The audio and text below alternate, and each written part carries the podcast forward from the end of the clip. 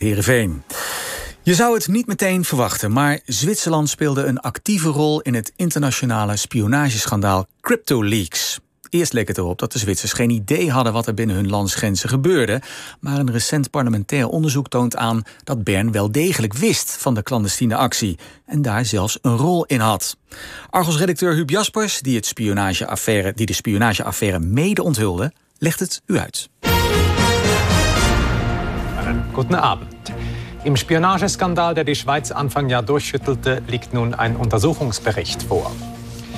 Wer wusste wann, worüber Bescheid? Die Schweizer Behörden sind mitverantwortlich, dass die CIA jahrzehntelang mithören konnte, wenn Schweizer Verschlüsselungsgeräte im Einsatz waren. De nieuwsuitzending 10 voor 10 van de Zwitserse televisie vorige week dinsdag.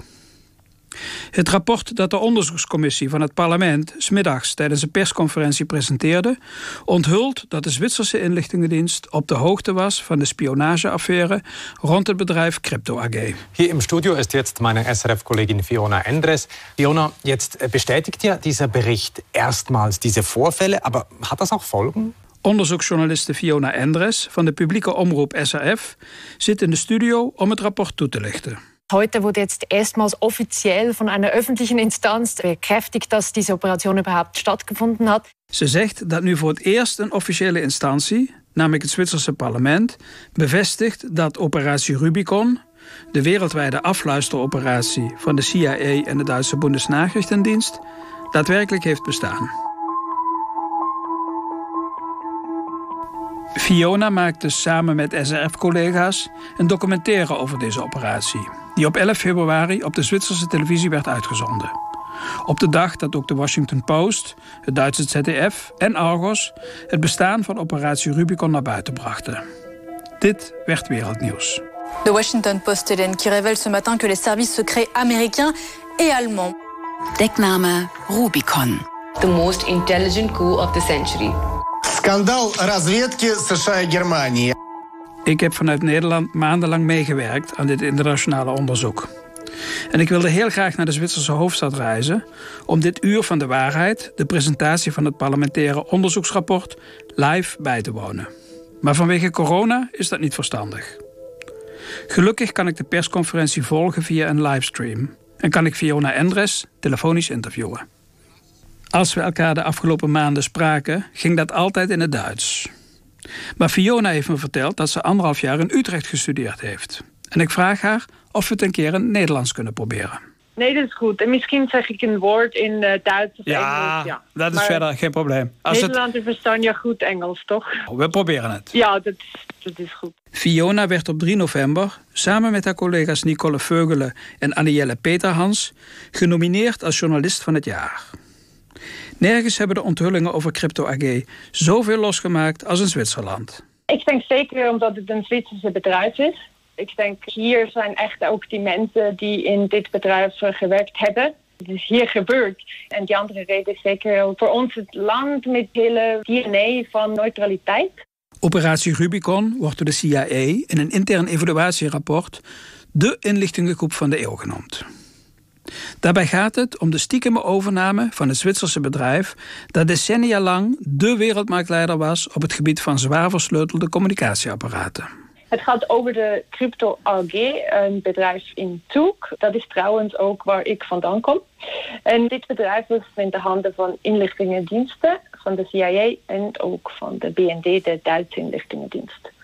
En uh, dit bedrijf, die Crypto AG, die produceert de gemanipuleerde apparaten die eigenlijk uh, de communicatie zeker zouden houden. Maar met die apparatie van de Crypto AG was het mogelijk voor de inlichtingendiensten om naar de versluitelde communicatie uh, van regeringen of ook uh, militairs te luisteren. 130 landen kochten de peperdure apparaten van Crypto AG.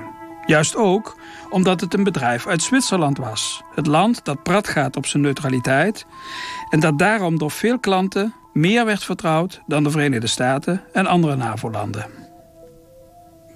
De inlichtingendiensten van Amerika en Duitsland gebruikten juist die Zwitserse neutraliteit als dekmantel voor hun spionageactiviteiten. Tijdens de persconferentie vorige week dinsdag werd dit onomwonden gezegd door de vicevoorzitter van de parlementaire onderzoekscommissie, Maya Graaf.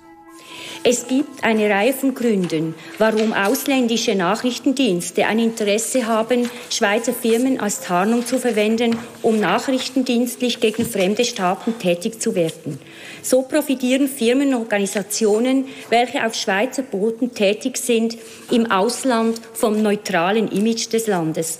Een stevige conclusie van de commissie van het Zwitserse parlement. Het is de vaste commissie die toezicht houdt op de inlichtingendienst. Vergelijkbaar met de commissie stiekem van de Tweede Kamer. De commissie had niet de bevoegdheid om, zoals bij een parlementaire enquête, getuigen onder ede te horen. Maar ze kreeg wel de beschikking over een aantal bijzondere documenten.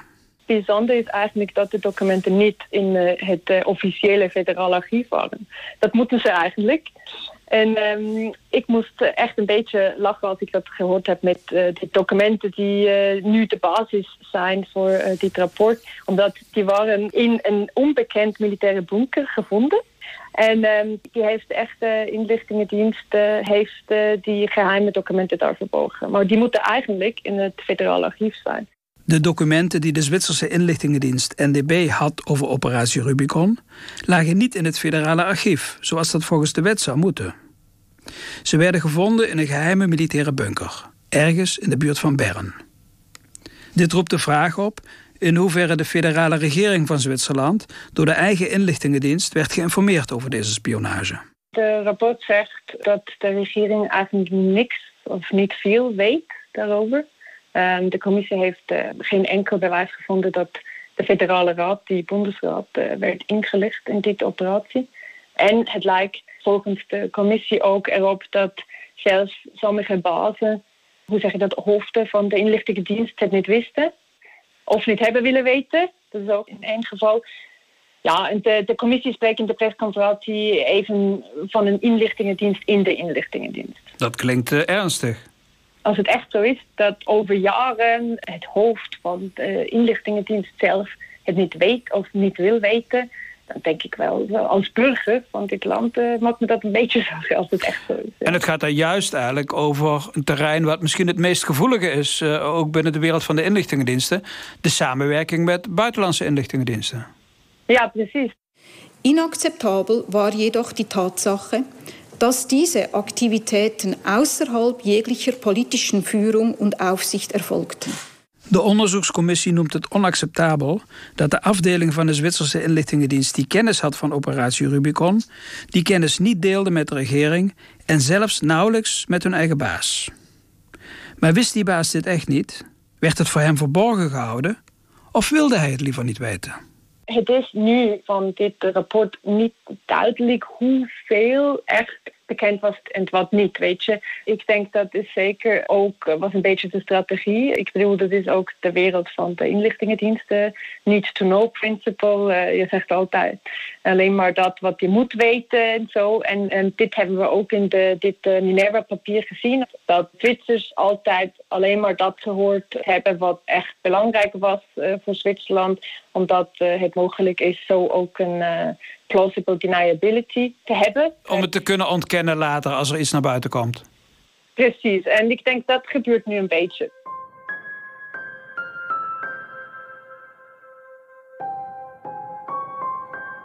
Het Minerva-document waarover onderzoeksjournaliste Fiona Endre spreekt... is het CIA-evaluatierapport over operatie Rubicon. Daarin komt het begrip plausible deniability inderdaad letterlijk voor als het gaat over de positie van de Zwitserse regering. De buitenlandse controle over Crypto AG was een geheim waarover sleutelpersonen in de regering niet wilden spreken, maar wel duidelijk geïnformeerd waren. Ze hadden hun eigen middelen binnen Crypto AG. Er was niets dat ze niet wisten.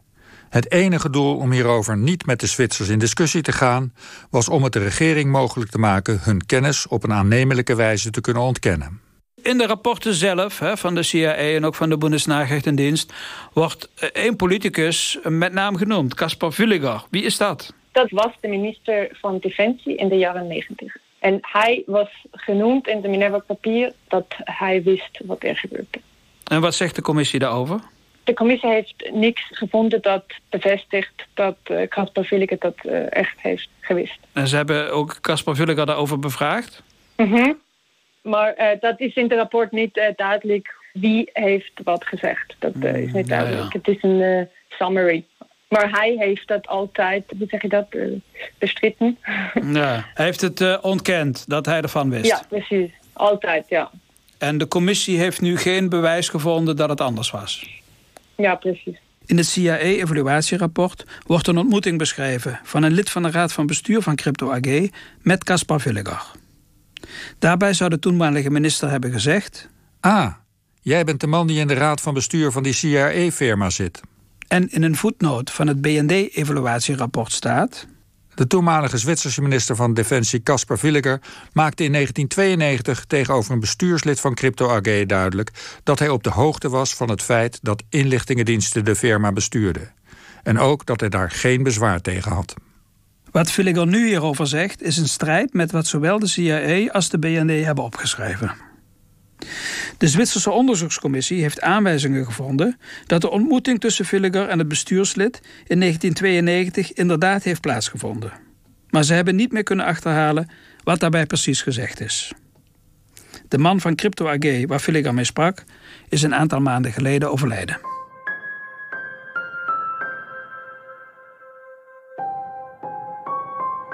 Nu weten we dat in 1993 de Duitse geheime dienst, de Bundesnachrichtendienst, uit deze operatie Rubicon gestapt is. Mij viel op bij de presentatie dat de commissie zei dat daarna de Zwitserse geheime dienst erin gestapt is. Ja, precies. Zoals junior partner. Waren zij nodig dan, toen de Duitsers eruit gingen? Dat is niet duidelijk. Dat weet ik ook niet. Dat is in het rapport niet duidelijk. Maar er was ook een beetje succes voor Zwitserland het was ook uh, een mogelijkheid, een chance voor Zwitserland hier een beetje mee te doen. En ze hebben dat ook gedaan. De onderzoekscommissie van het Zwitserse parlement heeft stevige kritiek op het feit dat er een geheime dienst binnen de geheime dienst bestond en dat de samenwerking met de CIA niet bekend was bij de regering. Maar het meewerken aan de spionage als zodanig is een overeenstemming met de wettelijke taken van de inlichtingendienst en heeft in de ogen van de commissie ook vruchten afgeworpen voor Zwitserland. Vanaf het najaar van 1993 lukte het de Zwitserse inlichtingendienst betrouwbare informatie over Crypto AG te verkrijgen. Zo kwam de dienst te weten dat het bedrijf in handen van buitenlandse inlichtingendiensten was en afgezwakte apparaten exporteerde die met realistische inspanningen te kraken waren. Om de versleuteling van dit soort apparaten vervolgens ook zelf te kunnen kraken, begon de dienst informatie in te winnen. Technische informatie over de apparaten en informatie over de klanten die deze gebruikten. Later lukte het de toegang tot deze informatie met instemming van de Amerikaanse inlichtingendiensten op betrouwbare wijze veilig te stellen. De Zwitserse inlichtingendienst stapte in operatie Rubicon op het moment dat de Duitse BND er juist uitstapte. De vraag of deze twee zaken verband met elkaar houden, wordt niet beantwoord in het rapport van de commissie. Fiona Endres kan alleen maar speculeren over de vraag waarom de Zwitsers er in 1993 instapten.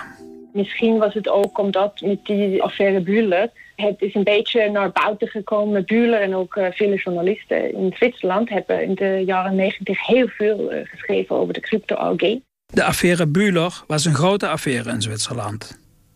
Ze draaide om Hans Bühler, een vertegenwoordiger van Crypto AG, die in 1992 in Iran werd gearresteerd. Iran vertrouwde de apparaten van Crypto AG niet meer en zag Bühler als een spion. Negen maanden werd hij gevangen gehouden in een militaire gevangenis. Meerdere malen per dag werd hij verhoord en daarbij ook gemarteld. Bühler wist niet dat het bedrijf waarvoor hij werkte eigendom was van de CIA en de BND. Na betaling van een losgeld van 1 miljoen Zwitserse franken kwam die uiteindelijk vrij. Wat we nu weten was ook eh, betaald van de BND. En eh, die kwam dan terug naar eh, Zwitserland, de Hans Bühler. En hij heeft dan gestart ook echt de waarheid over crypto AG verzoeken uit te vinden en ook verzoeken te publiceren. En um, Bühler is echt ook een van de slachtoffers van dit hele verhaal. Omdat hij is nu ook verleden drie jaar geleden. En hij heeft nooit geweten dat het echt zo was. Dus iemand die eigenlijk een, verkoopman is van een commercieel bedrijf, die wordt eigenlijk naar een best wel gevaarlijk land gestuurd op een missie van een geheime dienst. Die wordt eigenlijk ingezet als agent van een buitenlandse geheime dienst zonder dat hij dat zelf weet. Ja, precies. Precies. En dat waren honderden van uh, medewerkers die uh, het helemaal niet wisten. Het was heel geheim, ook in het bedrijf zelf. En uh, die zo ook in de buitenlanden onderweg waren. De Zwitserse Bundespolizei stelde een onderzoek in. Maar net als Bühler ontdekte zij niet wie de ware eigenaren waren van Crypto AG. Als je dat bedenkt, is het toch wel heftig dat de inlichtingendienst in al die tijd uh, niks heeft gezegd naar onze regering. Kun je dan zeggen dat de justitiële waarheidsvinding gehinderd werd door de Zwitserse geheime dienst? Uh, nee, dat is ook uh, een thema in de rapport. En volgens de commissie is er geen bewijs dat de inlichtingendienst actief heeft iets tegen de justitiële onderzoek uh, gedaan. Oké, ze hebben niet meegeholpen om het op te helderen, maar ze hebben ook niet keihard gelogen erover. ja. Kan ik het zo samenvatten of niet? ik denk dat, um, ja, het is niet duidelijk. Want die mensen binnen de inlichtingendienst die ervan wisten, die wisten toch ook wel dat er een onderzoek liep. Die hebben in ieder geval niet de Zwitserse politie geholpen om dit op te helderen. Ja, dat kan je zo zeggen, ja. En hoe gaat het verder nu? Nu is het woord aan de regering om daar een politiek oordeel over te vellen en dan met het parlement over een discussie te gaan? Ja, precies. De regering, de Bondsraad, die heeft nu tijd tot juni 2021. Zo. Zo lang. om iets te zeggen. Ja. ja uh, dan mogen ze goed over nadenken dan. Zijn we heel benieuwd. Uh, ja, maar ik denk uh, wel dat ook tot dan um, ook een politische discussie zou zijn over of dat nu genoeg is. Of de politici nog een um, parlementarische enquête willen. Dat is nog niet weg.